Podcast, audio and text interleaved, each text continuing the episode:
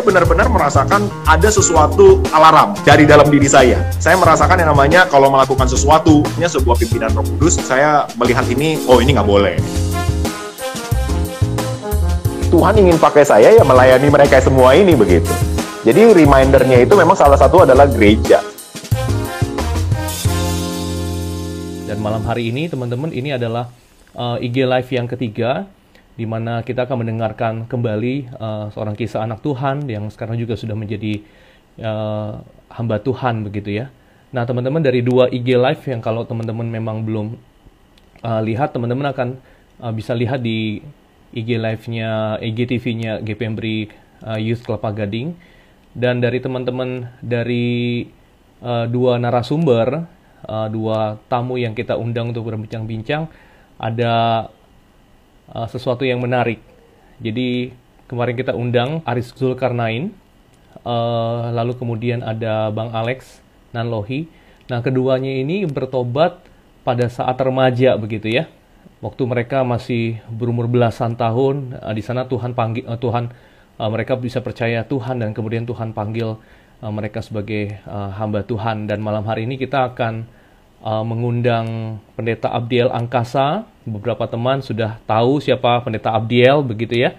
Pendeta Abdiel ini aktif melayani di uh, PGTI uh, Persekutuan Gereja-Gereja Tionghoa Indonesia. Uh, saya kenal Pak Abdiel awalnya sebagai penerjemah begitu kalau ada pendeta-pendeta uh, dari luar negeri yang berkhotbah memakai bahasa uh, Mandarin Pak Abdiel sangat fasih sekali menerjemahkan uh, rekan-rekan uh, hamba Tuhan ini ke dalam uh, bahasa Indonesia begitu ya. Lalu kami bersama-sama melayani, saya ikut uh, join juga melayani di PGTI bersama dengan Pak Abdiel dan di sana uh, pertemanan kami, persahabatan kami mulai begitu. Dan malam hari ini saya ingin undang Pak Abdiel nih.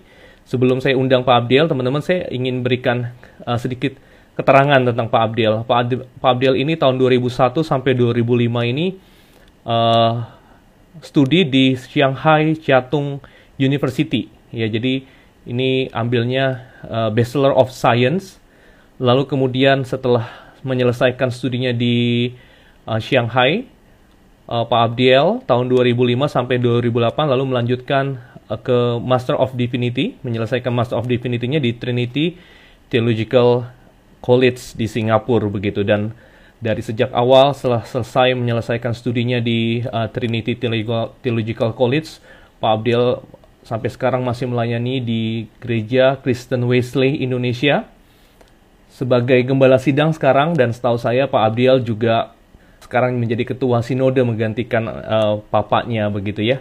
Kita akan undang uh, Pak Abdiel untuk join uh, bersama-sama dengan kita. Kita akan uh, mendengarkan uh, kisahnya bagaimana dia mengenal Tuhan lalu uh, kemudian Tuhan panggil menjadi hamba Tuhan begitu ya. Kita sedang tunggu Pak Abdul untuk join. Oke okay, ya uh, Pak Abdul tadi saya sudah kenalkan sedikit ya Pak Abdul uh, kepada teman-teman begitu. Dan malam hari ini kita undangkan untuk cerita sebenarnya ya cerita tentang okay. pertobatan lahir baru pertama kali seperti apa begitu. Karena saya pikir banyak banget uh, dari kita yang sudah melayani Tuhan, uh, tapi kadang-kadang juga tidak menceritakan kan ya uh, kisah pertobatan kita, bagaimana kita kenal Tuhan begitu ya. Nah, uh, Pak Abdil, saya mau tanya begini, ini kapan Pak Abdil itu mengalami pertobatan? Kalau dua host, uh, dua tamu kita yang dulu kita undang itu bertobatnya waktu mereka masih SMP, SMA begitu ya. Nah, kalau Pak Abdil sendiri kira-kira kapan nih bertobatnya? mengalami lahir baru begitu perjumpaan dengan Tuhan. Oke, terima kasih ya buat kesempatannya dan ya uh, berbicara mengenai masalah pertobatan dan tadi sudah di apa sudah di-sharingkan dua narasumber sebelumnya memang masa SMP dan masa SMA sebenarnya uh, hampir sama sih ya. Saya di jenjang SMP 2 kalau mau lebih tepatnya ya di SMP 2 sebenarnya saya juga latar belakangnya kan apa uh, anak pendeta begitu ya. Kalau hmm. dulu kami sebutannya kalau lagi di sekolah teologi itu disebutannya PK gitu, pastor kids gitu. Ada bahkan sampai sampai iseng begitu ya, pastor kids itu tuh hasilnya tuh sebenarnya dua ekstrim. Satu diem banget, satu berandal banget. Gak tau Pak Roni ngeliatnya yang mana gitu. Dari awal itu memang uh, latar belakang keluarga Kristen, apalagi hamba Tuhan begitu ya. Jadi memang uh, banyak orang berkata ini sepertinya perjumpaan dengan Kristus itu uh, masa pertobatan itu kalau ada kadang-kadang ditanya nggak tahu kapan begitu. Tapi kalau misalkan saya memang uh, ada ada masanya, ada waktunya ya, ada waktunya yaitu memang pada waktu saya SMP 2 SMP 2 itu mengikuti retreat di tempat kami sih ya, memang remaja itu masa-masa retreat karena gereja kami kebiasaannya memang uh, setahun sekali ya Pak Roni kan juga udah hmm. tahu begitu ya, tahun gitu pasti ada retreatnya.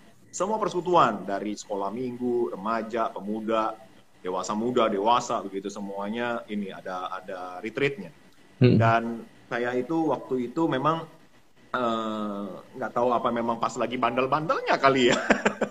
Jadi pada saat itu uh, pas retreat begitu kan ada panggilan. Sebenarnya sih yang saya kan di tahun yang pertama mungkin SMP 1 ikut retreat nggak terlalu jelas juga ya maksudnya tentang panggilan hmm. dulu itu juga rasanya uh, apa uh, ya namanya pelayanan ya anak pendeta ya pelayanan lah seperti itu. Hmm. Tapi pada saat uh, masuk ke kelas 2 ini ya mungkin memang sudah lebih lebih mengerti begitu ya dan pada hmm. saat ditanya apakah ingin menerima Tuhan ya itu udah pastinya menerima Tuhan udah udah, udah sering banget denger lah tapi pada hmm. saat memperbaiki kehidupan nah itu benar-benar kena sekali dengan saya saat itu sepertinya Tuhan hmm. tuh sedang memberitahukan kamu ini anak pendeta begitu kan kamu anak pendeta anak hamba Tuhan sebenarnya apakah kamu hidup itu berbeda dengan orang lain jadi hmm. saat itu sebenarnya saya merasakan yang namanya kita itu semuanya sama, manusia yang berdosa di hadapan Tuhan kan. Nah, oleh sebab itu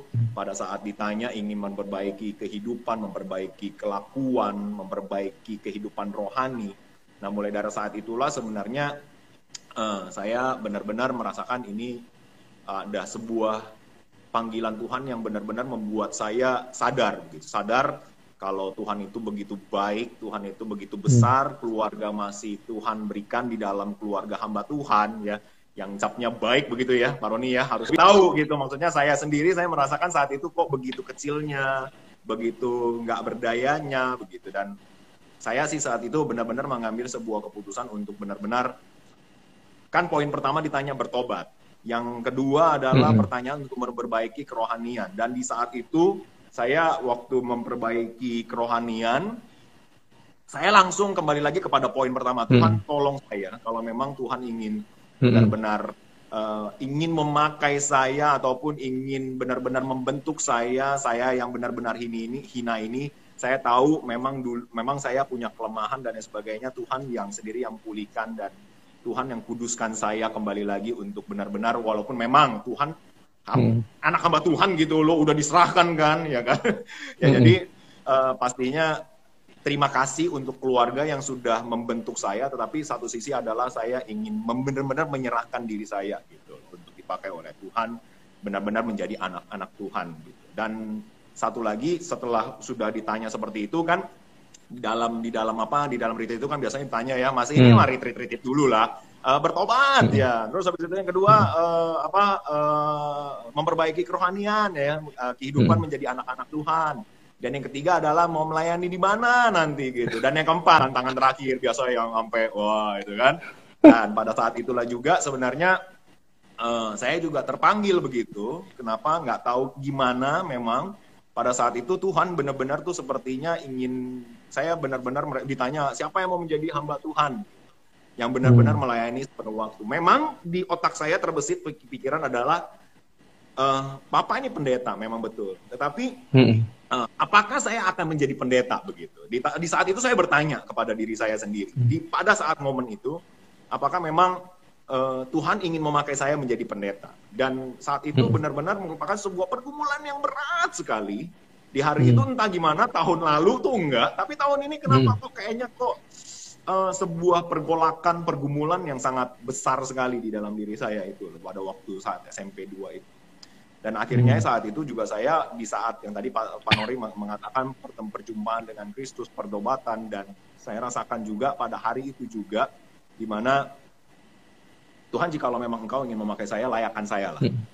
ya di dalam hmm. pertobatan di dalam pertemuan hari ini berjumpa dengan engkau kalau memang engkau hmm. memang ingin memakai saya Tuhan pakailah saya kuduskan saya sehingga saya bisa benar-benar melayanimu lah itu jadi kila, hmm. kila, kilas baliknya lah seperti itulah kalau memang kalau ditanya sebagai pertobatan dan perjumpaan dengan Kristus pertama kalinya ya hmm uh, itu SMP kelas 2 itu tahun berapa ya Pak SMP kelas 2 tahun 9 aduh ketahuan usia saya dong.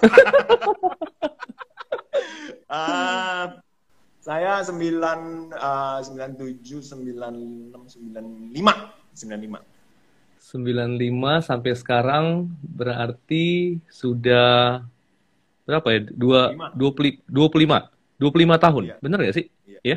Iya. Sudah 25 oh, tahun. Saya cepet bener. Mana dibantu hitung lagi kan. Teman-teman, uh, uh, as you know, saya lebih senior dari Pak. dari, dari segi karakter memang dia lebih dewasa, saya lebih agak-agak milenial begitu ya.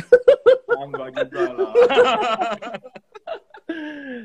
Nah, Pak Abdel, saya mau tanya begini kan, Pak Abdel itu besar dalam keluarga pendeta dan uh, saya yakin gitu ya, uh, pasti diajak uh, ibadah ya saya maksudnya saya tadi meskipun tadi ada gambaran bahwa ada anak pendeta yang anak hamba Tuhan yang uh, kelakuannya justru uh, dalam tanda kutip mungkin rebel begitu ya uh, dan orang tuanya pusing dengan itu tapi uh, tadi kayak sepertinya kan Pak Abdul tidak termasuklah golongan itu ya orang tua ajak uh,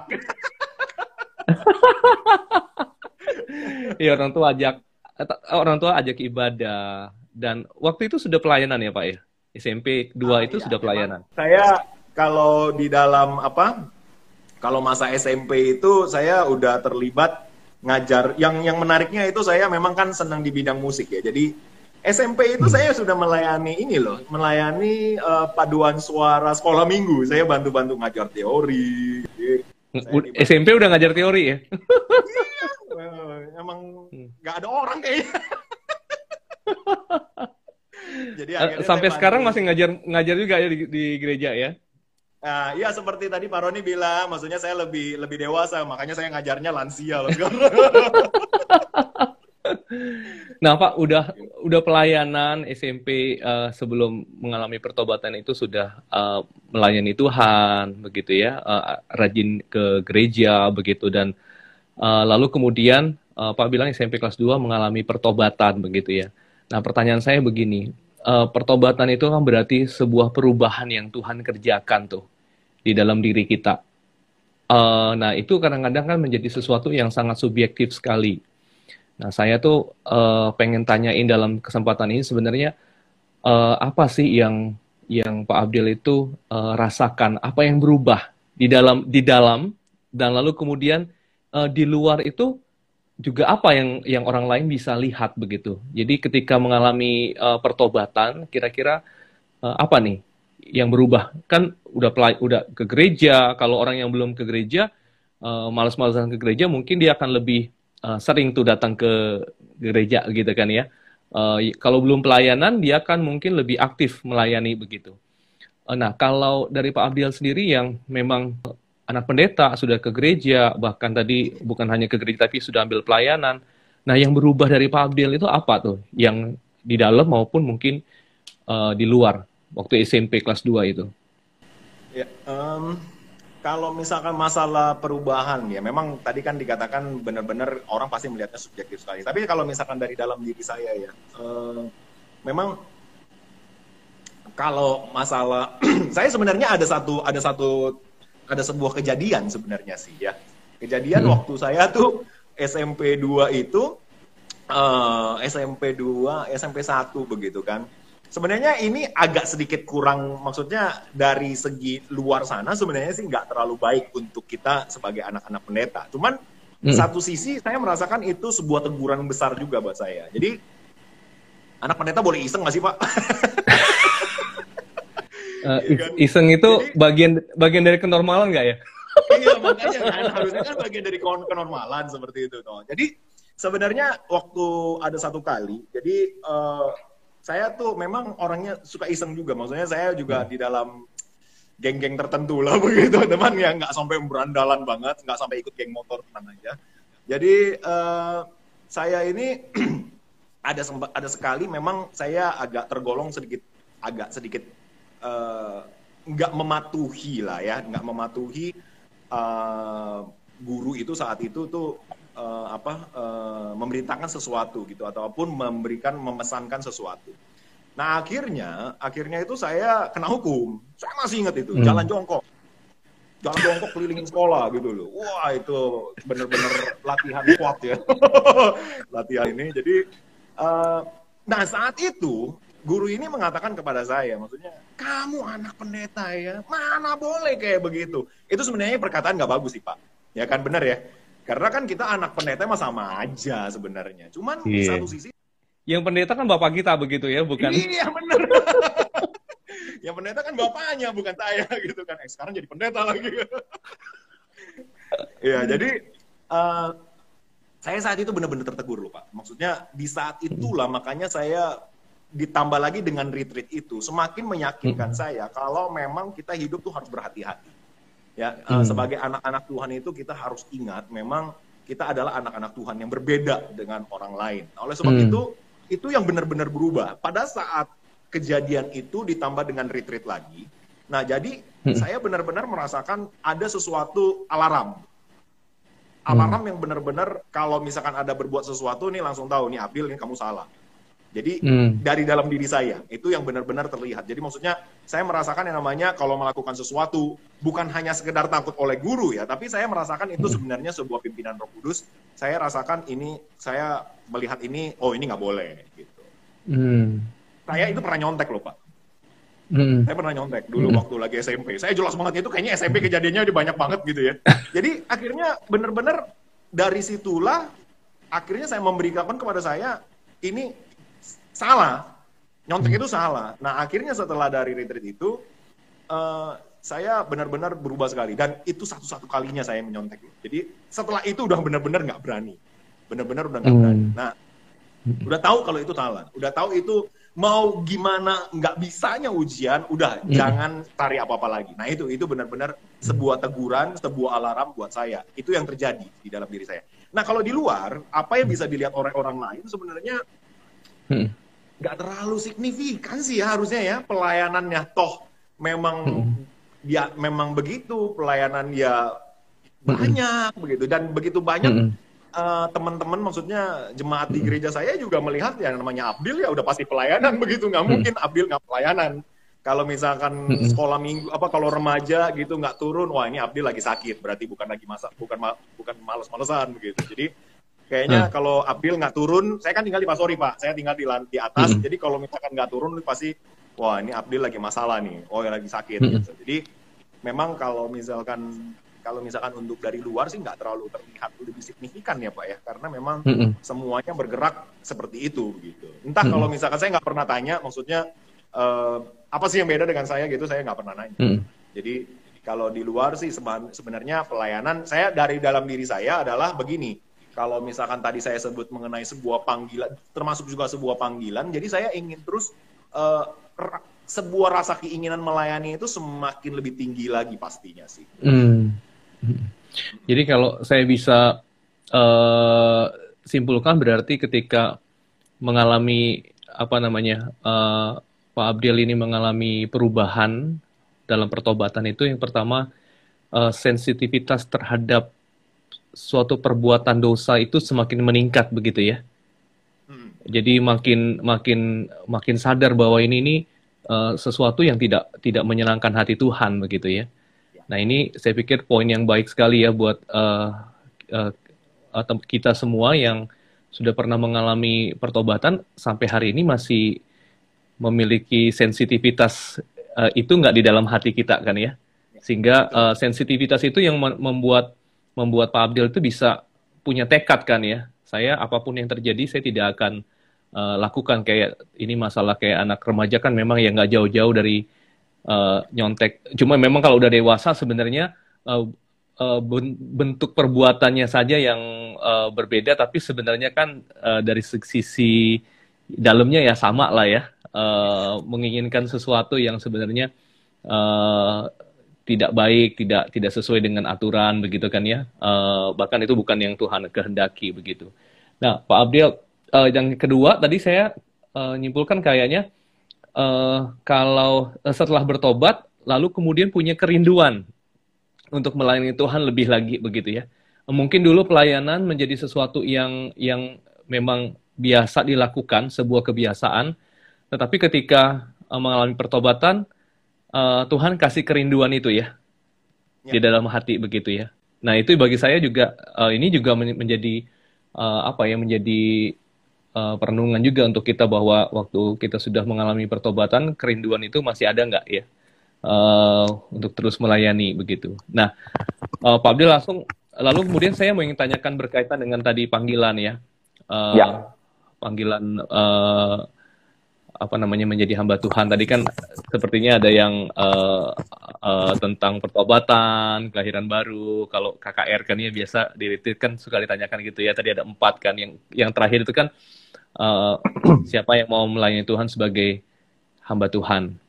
Nah, uh, yang saya ingin tanyakan Pak Abdil itu waktu pas uh, mengambil komitmen untuk sebagai hamba Tuhan kan sudah lihat papa sebagai pendeta begitu ya. Pak Abdel uh, apa namanya uh, sebenarnya udah tahu belum? Maksudnya sadar nggak ya jadi pendeta itu seperti apa begitu?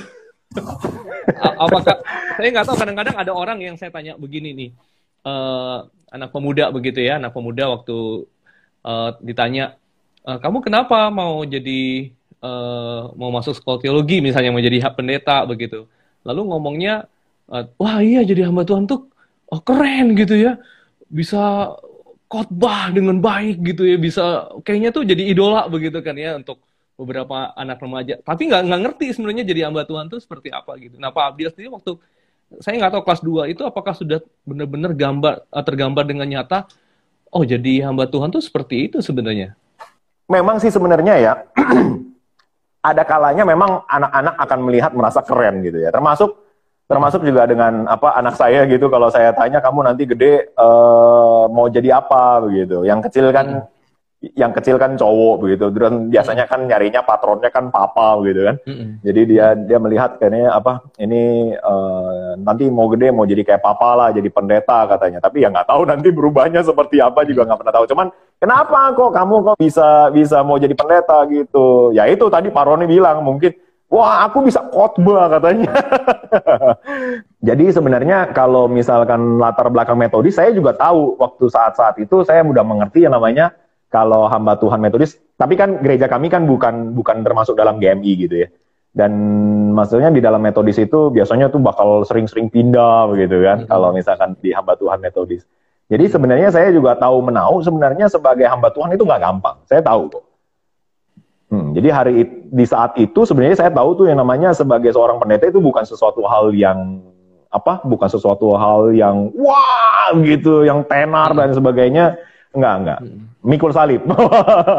jadi memang udah tahu ini pekerjaan bukan sesuatu hal yang wah ataupun yang benar-benar sepertinya uh, bukan bersenang-senang, tapi sukacita di dalam Tuhan. Sebenarnya seperti itu. Jadi hmm uh, panggilan itulah yang sebenarnya saya juga lihat. Uh, karena memang mungkin yang melatar belakangi saya juga semakin yakin karena ya itu dia. Maksudnya kami kan gereja juga tidak besar lalu hamba Tuhan kan juga tidak banyak begitu. Jadi saya merasakan yang namanya uh, perja pelayanan Injil seperti begini ini bukan main-main gitu. Jadi kalau emang Tuhan memakai di dalam gereja yang kecil ini untuk menjadi berkat bagi orang banyak ya kiranya Tuhan yang terus pakai sih seperti itu. Jadi bukan sesuatu bukan diawali dengan sesuatu yang keren sih. Tapi memang menurut dari cerita papa ya, menurut dari cerita papa, saya waktu usia waktu masih kecil ya, waktu 3 4 tahun begitu, saya juga terlontarkan dengan sendirinya waktu lagi itu saya selalu catat tuh di dalam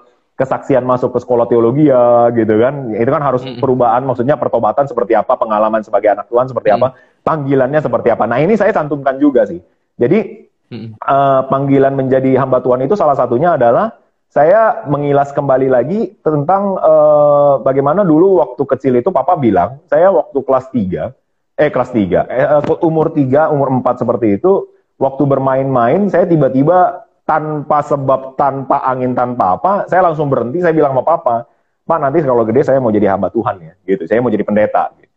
Jadi nggak ada hmm. angin, nggak ada apa, tiba-tiba langsung ngomong sama papa seperti itu. Jadi uh, habis itu papa saya bilang bilang sama saya, mulai dari hari itu saya doakan kamu. Hmm. Uh, saya doakan kamu. Jadi bukan saya nggak pernah memaksa kamu jadi hamba Tuhan, nggak memaksa kamu jadi pendeta, tapi saya hmm. mendoakan kamu begitu. Jadi Nah, saya yakin dan percaya sebenarnya kita kan sudah sekolah teologi ya gitu ya. Roh Kudus bisa bekerja kapan pun dan di mana pun dan lewat apa pun begitu. Jadi kalau memang Tuhan ingin memberikan sebuah tanda memakai seseorang dari masa kecil pun juga sudah bisa diberikan. Apakah kita yang sebagai orang tua aja yang peka begitu. Jadi um, saya bersyukur juga maksudnya dengan doa papa saya juga bu yang karena memang sudah uh, mendoakan yang terus menuntun saya dan akhirnya saya bisa terpanggil juga dan benar-benar di dikonfirmasi di dalam SMP 2 itu ya bukan sesuatu mulai dari wah tapi memang karena saya tahu itu adalah panggilan bukan sebuah panggilan yang bukan yang bersenang-senang tapi sukacita di dalam Tuhan sih. Itu aja sih. Jadi waktu Tuhan panggil nggak dengar suara-suara ya Abdiel aku akan panggil. Udah kayak Samuel loh. ya? nggak nggak nggak nggak nggak.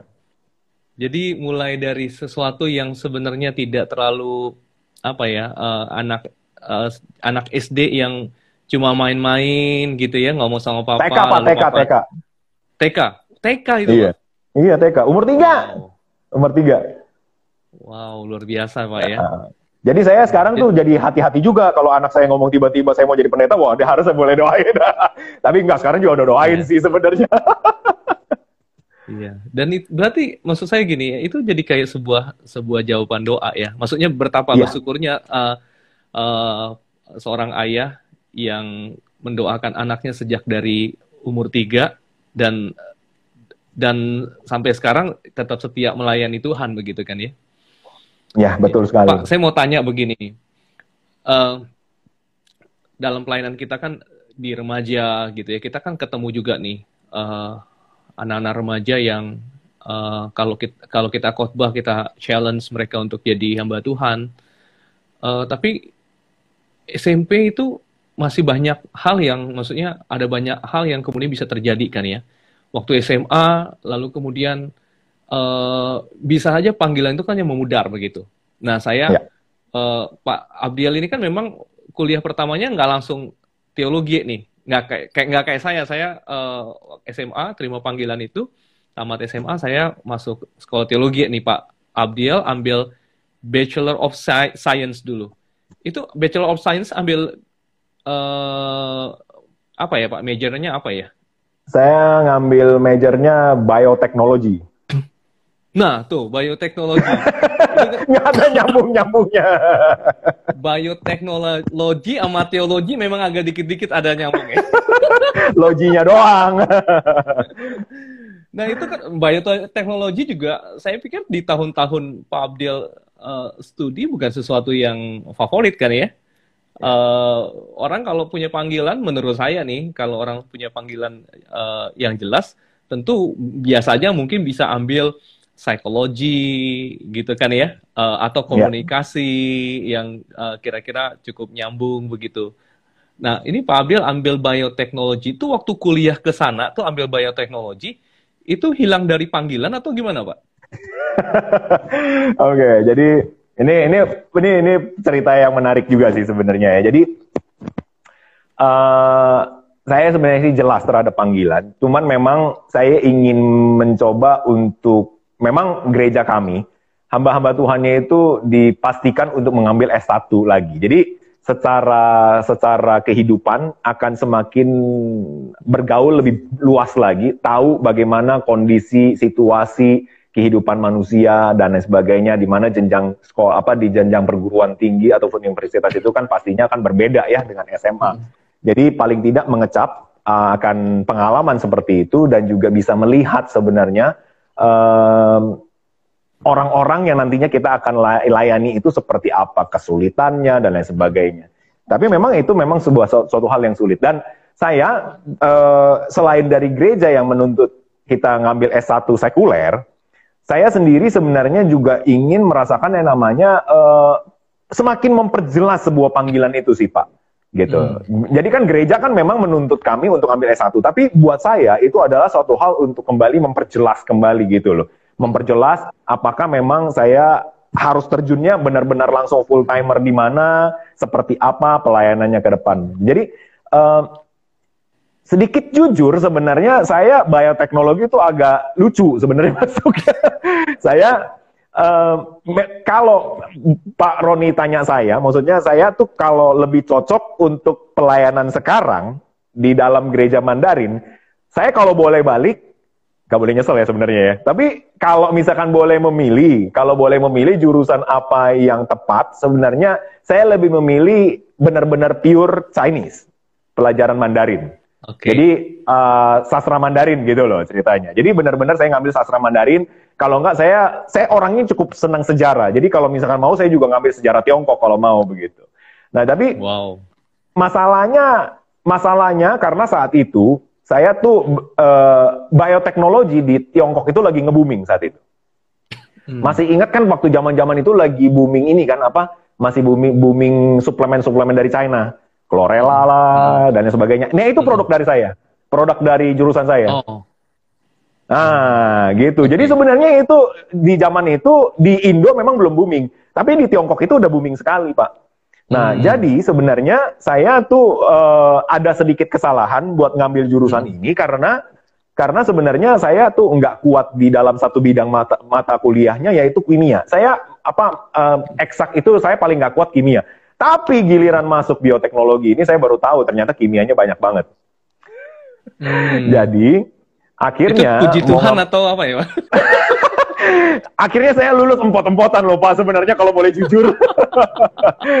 nah, jadi jadi sebenarnya kalau emang berbicara mengenai jurusan, tapi saya bersyukur juga dengan bioteknologi ini saya bisa melihat sebenarnya perkembangan zaman sebenarnya. Jadi hmm. perkembangan teknologi dari situ saya belajar banyak sekali gitu. Jadi hmm. uh, daya analisa, apalagi saya ngambilnya kan teknik begini kan daya analisa kan dibutuhkan ya. Hmm. Daya analisa dari daya apa uh, membuat hipotesa, membuat konklusi hmm. dan lain sebagainya itu cukup lebih mendetil lah dibanding dengan kayak bidang sosial seperti itu. Jadi saya bersyukur sekali dengan seperti itu karena memang saya kan sebelumnya kan juga belajar bahasa dulu pastinya. hmm Nah, jadi bahasanya itu yang menjadi dasar paling tidak ya cukup minim lah, tapi ya bersyukurlah masih bisa Mandarin dan akhirnya setelah itu baru nah sebelum masuk sekolah teori sebenarnya kalau lihat dari biodata saya kan tadi kan 2005 lulus saya langsung tuh. Jadi saya yeah. lulus di bulan bulan Mei, saya langsung sekitar bulan Juni beres-beres sana sini, bulan Juli langsung masuk. Hmm. Nah itu pergumulannya juga setengah luar biasa, eh bukan setengah luar biasa, benar-benar luar biasa gitu. Jadi benar-benar berat sekali karena ya itu uh, saya sempat mengambil sebuah apa, mengambil me, sempat merenungkan apakah saya butuh untuk kerja, nah kerja hmm. di dunia sekuler. Hmm. Saya sempat berpikiran seperti itu karena di Tiongkok ke, apa saat itu butuh banyak mbak karena trading saat itu tuh ya Pak ya di Tiongkok itu mm -hmm. tuh dengan Indonesia tuh lagi gembor gembar gembornya gembar gembornya mm -hmm. terus saya tuh udah coba lagi apply gitu apply dan ternyata mm -hmm. perusahaan trading itu dengan Indonesia itu banyak nyari orang-orang seperti kita kita begini mm -hmm. bisa bahasa Mandarin bisa bahasa Mandarin. Indonesia bisa bahasa Inggris gitu mm. dan saya udah sempat kepikiran tuh eh ada yang nawarin saya udah lempar-lempar CV begitu, ternyata ada yang manggil, hmm. ada yang telepon tuh udah. Ada telepon satu hmm. di luar dari kota Shanghai itu nawarin nawarin freshman loh pak. Tahu nggak berapa berapa duit? Nggak tahu pak, mau kasih tahu. iya. Lebih gede dari sekarang.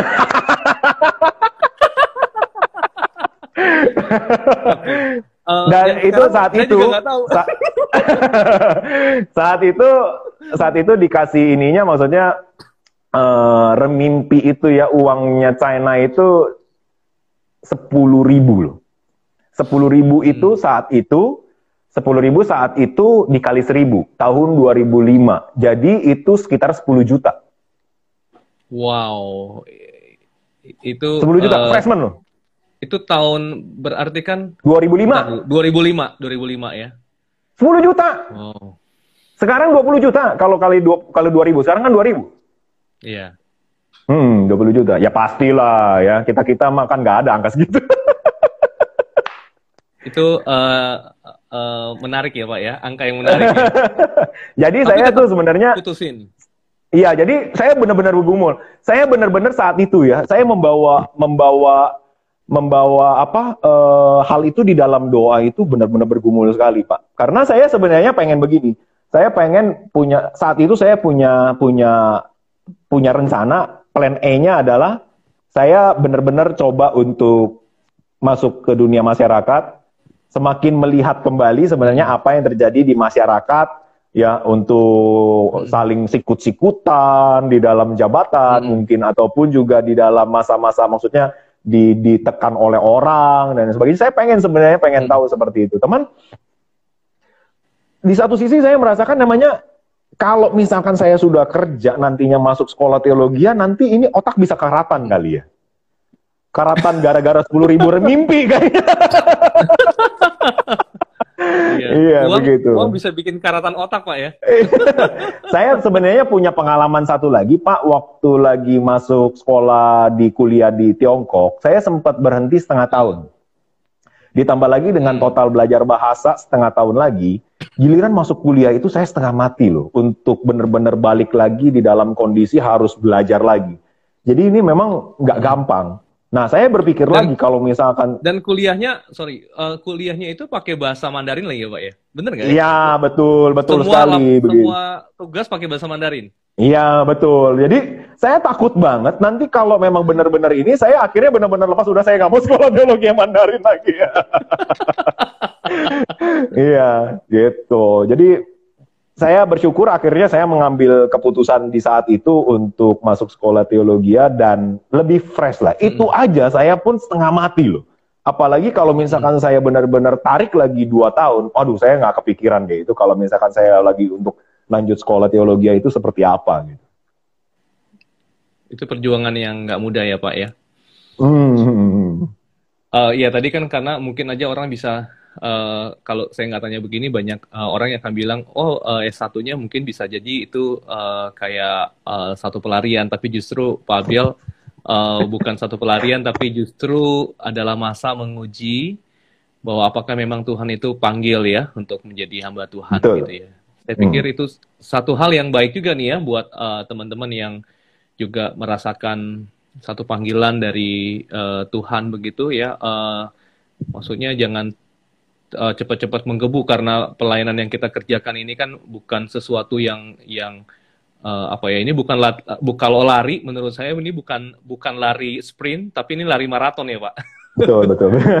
Benar benar. Kalau kalau orang-orang tidak uh, kalau kita memang benar-benar tidak uh, menggumulinya dan punya satu panggilan yang jelas uh, saya saya pikir tantangan dalam pelayanan itu bisa membuat uh, kita untuk mundur kan dan tergiur dengan Betul uh, yang lainnya begitu ya. Saya nggak katakan bahwa panggilan itu tidak bisa uh, apa namanya panggilan yang Tuhan berikan itu kemudian Tuhan tidak bisa panggil dengan yang lain, tapi melayani sebagai hamba Tuhan full time dalam gereja ya bukan hal yang mudah pak ya.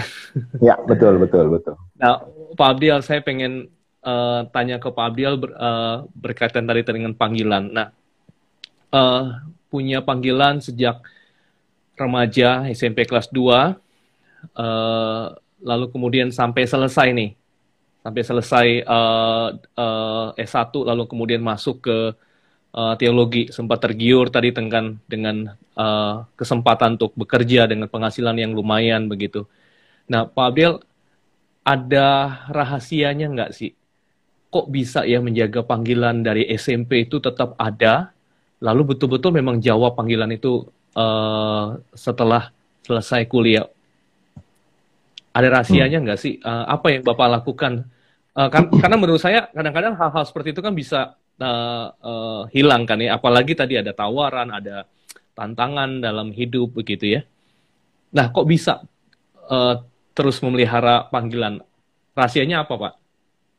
Ya, um, ya kalau misalkan rahasianya sih sebenarnya sih ya umum sih sebenarnya ya kalau misalkan bisa dikatakan karena mm -hmm. uh, saya itu uh, dari kecil itu kan memang tinggal di gereja ya. Jadi memang gereja itu salah satu reminder, reminder yang besar sekali. Hmm. Jadi di mana saya tinggal di sana, besar di sana gitu.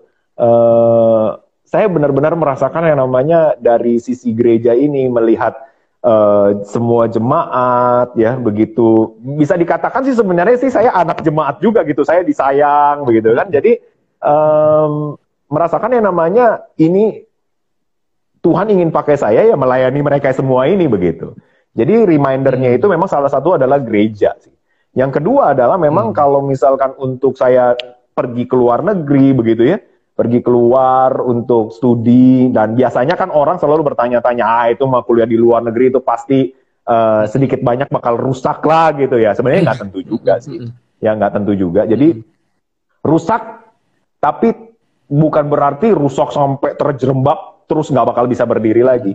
Saya sebenarnya di Tiongkok itu sendiri juga belajar banyak begitu, membuka membuka mata sebesar-besarnya melihat sebenarnya itu kehidupan nggak seindah pelangi begitu sebenarnya. Hmm. Jadi hidup pasti ada orang yang busuk juga ada, orang yang baik juga ada. Dan bagaimana kita sebenarnya untuk memposisikan diri di dalam bagaimana kita bergaul dan lain sebagainya. Jadi uh, satu hal memang yang menjadi selalu reminder saya adalah jujur aja waktu saya waktu lagi di Tiongkok itu saya benar-benar kehidupan rohani enggak enggak bukan sesuatu hal yang patut dibanggakan ataupun yang baik sekali enggak. Jadi hmm. untuk saat tentu pribadi juga bukan sesuatu hal yang paling utama enggak enggak menjadi hal yang saya lakukan setiap hari begitu bolong-bolong dan lain sebagainya. Tapi saya me mencari gereja gitu loh. Saya tetap mencari gereja di memaksakan diri untuk senantiasa apa senantiasa ingat Tuhan begitu. Jadi hmm. saya saya waktu lagi di Tiongkok itu pak ya ke gereja itu butuh waktu satu setengah jam loh pergi satu setengah jam pulang. Bisa dibayangkan kalau di sini oh. di Jakarta saya tinggal turun. Tapi kalau di sana saya ke gereja tuh satu setengah jam pergi dengan tunggu naik bis turun jalan kaki dengan balik lagi. Itu saya ladenin. Saya maksudnya saya benar-benar jangan sampai kalah begitu loh jangan sampai kalah menjadi sebuah reminder kembali lagi mengingatkan hmm. diri saya kalau ini Tuhan ingin pakai saya begitu. Jadi ada kalanya juga males, ada kali saya nggak pergi juga sih, pasti. Bayangkan musim dingin begitu loh, hmm. musim dingin pakai baju tebel-tebel. Kalau di Jakarta, uh, kalau di Jakarta kira-kira tinggalnya di puncak gerejanya Jakarta begitu ya? iya betul. Satu jam setengah. Jadi ya. atau atau jadi tinggal saya... di Jakarta, tinggal di Jakarta, gerejanya di Tangerang gitu ya. Alam Sutra ya. Iya, tapi itu naiknya kendaraan kendaraan umum begitu kan. Hmm. Dan di sana kan ada musim dingin, jadi saya hmm. paling banyak bolosnya itu musim dingin. Jadi musim ya, dingin ya. itu, ya aduh, mau keluar lagi dan lain sebagainya, aduh, tantangannya besar sih. Cuman saya berusaha untuk selalu ingat Tuhan sih. Ingat Tuhan dalam arti begini, uh, kamu harus ingat gitu, kamu ini milik Tuhan. Gitu. Kamu ini benar-benar hmm. Tuhan ingin pakai. Ya inilah ujiannya begitu. Jadi hmm. kalau misalkan kamu mengambil keputusan untuk kuliah ini jadikan sebuah ujian kamu terhadap panggilanmu, ya ini saatnya begitu. Hmm -mm. Hmm -mm. Uh -uh. Jadi ya sekali lagi jadi kalau tadi saya bisa highlight yang memelihara panggilan itu adalah komunitas gereja ya. Uh, yang mengasihi kita begitu ya. Saya jadi pikir begini ya pak. Uh, jadi kalau selama ini tidak ada uh, apa namanya ada anak muda yang menyerahkan diri menjadi hamba Tuhan uh, bisa jadi nih bukan nggak ada. Bisa jadi ada. Tapi bisa jadi kemudian uh, dia juga tidak panggilannya tidak terpelihara ya mungkin karena komunitas gereja tidak menunjukkan Betul. kasih itu kepada uh, orang-orang yang memang Tuhan memang sebenarnya panggil begitu kan ya hmm, betul hmm. ya ini uh, menarik ya Pak saya saya sendiri belajar dari teman eh, teman-teman yang uh, saya tanya-tanya begitu kan saya modalnya cuma pertanyaan nih. Tapi saya dari pertanyaan-pertanyaan ini saya melihat uh, bagaimana uh, Tuhan juga bisa memakai komunitas kan ya, memakai hmm. gereja untuk kemudian uh, menolong orang-orang uh, tertentu yang mengalami panggilan Tuhan itu untuk kemudian berani menjawab dan memelihara panggilan itu sendiri begitu ya Bagaimana ya. iman itu juga bertumbuh juga di dalam komunitas sebenarnya Pak. Betul sekali.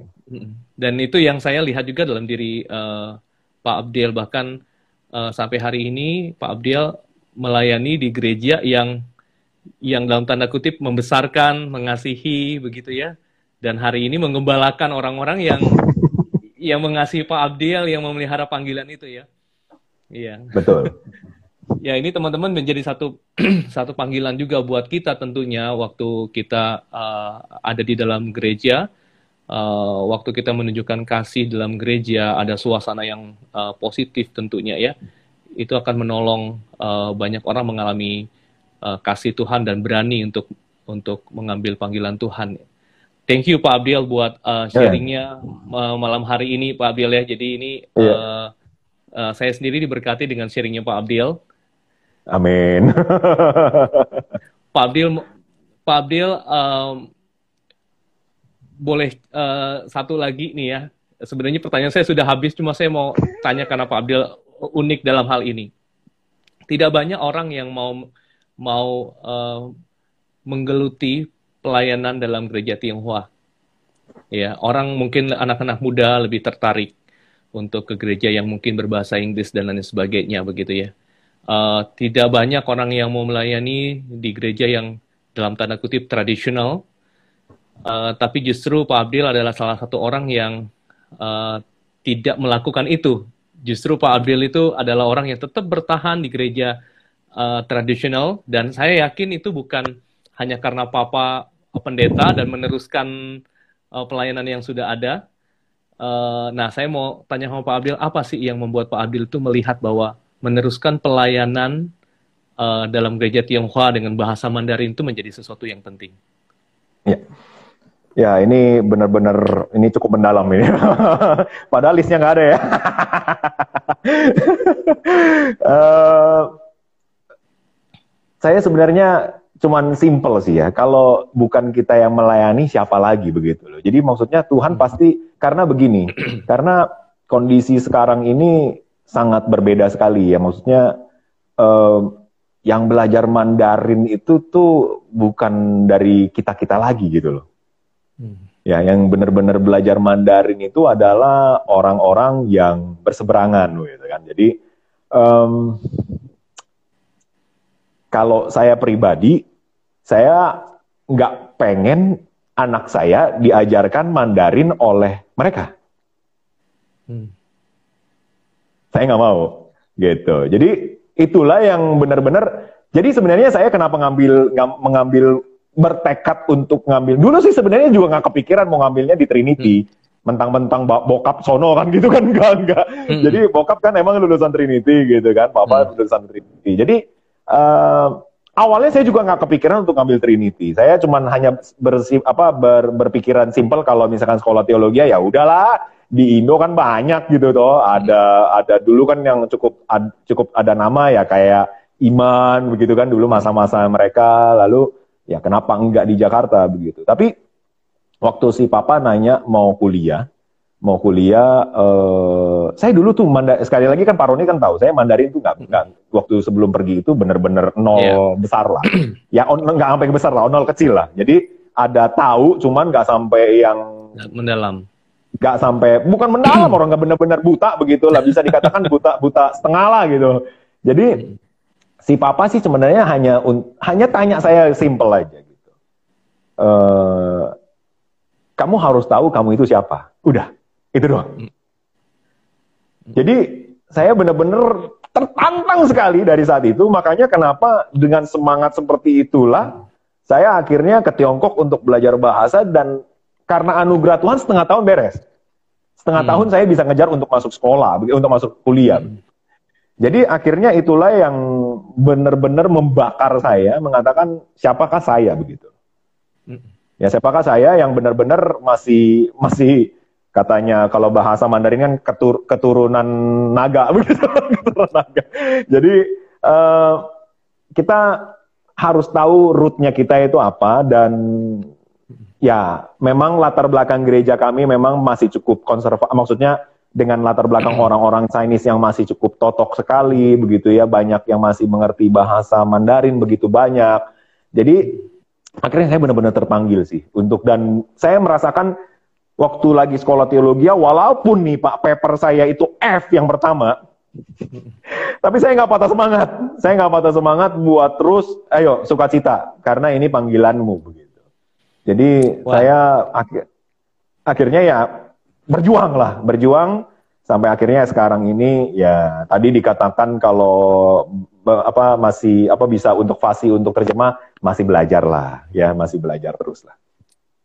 Luar gitu. biasa Nah kalau ya. Jadi gereja konservatif, kalau gereja konservatif ya memang latar belakang apa darahnya itu masih ada di dalam gitu kan. Dan saya waktu lagi di di mana di Singapura bukan berarti saya nggak pernah ke gereja lain gitu. Jadi saya di Singapura kan ada visitasi gereja-gereja kan, visitasi yeah. gereja. Wow, saya visitasi dari gereja yang benar-benar diem, yang kusuknya benar-benar kusuk, sampai yang benar-benar loncat gitu. Wow, itu udah saya tunjukin semua. Tapi entah gimana ini hati memang nggak bisa masuk begitu loh. Jadi masih cukup yang seperti ini, cuman ya memang pastinya suka ya pop itu masih ada gitu. Walaupun Pak Roni bilang saya katanya senior banget ya udahlah biarin lah. Tapi uh, saya masih pop, tenang aja. gitu. Yeah. Jadi uh, itulah jadi maksudnya saya makanya kenapa saya tetap bisa melayani di remaja, pemuda masih bisa dan juga untuk kalangan lansia jadi juga juga bisa melayani mereka karena ya itu mencoba untuk meluaskan lah, meluaskan pelayanan. Thank you Pak Abdiel buat sharingnya malam yeah. hari ini ya. Sama-sama. Uh, iya. Saya berdoa buat Pak Abdiel sebentar ya Pak. Oke. Okay. Iya, terima kasih. Tuhan, terima kasih untuk sharing malam hari ini. Kami melihat kembali bagaimana karya Tuhan atas hidup Pak Abdiel 25 tahun yang lalu. Dan sampai hari ini panggilan itu terus dikerjakan. Kami menyadari kalau Tuhan yang panggil, maka Tuhan yang memelihara Tuhan yang mencukupkan. Berkati Pak Abdiel di dalam pelayanan di Gereja Kristen Wesley Indonesia, dan biarlah nama Tuhan yang diagukan dimuliakan. Dalam nama Tuhan Yesus kami berdoa. Amin. Amin. Oke, okay, Pak Abdiel, makasih. Thank you kesempatannya ya. ya, ya. ya God bless.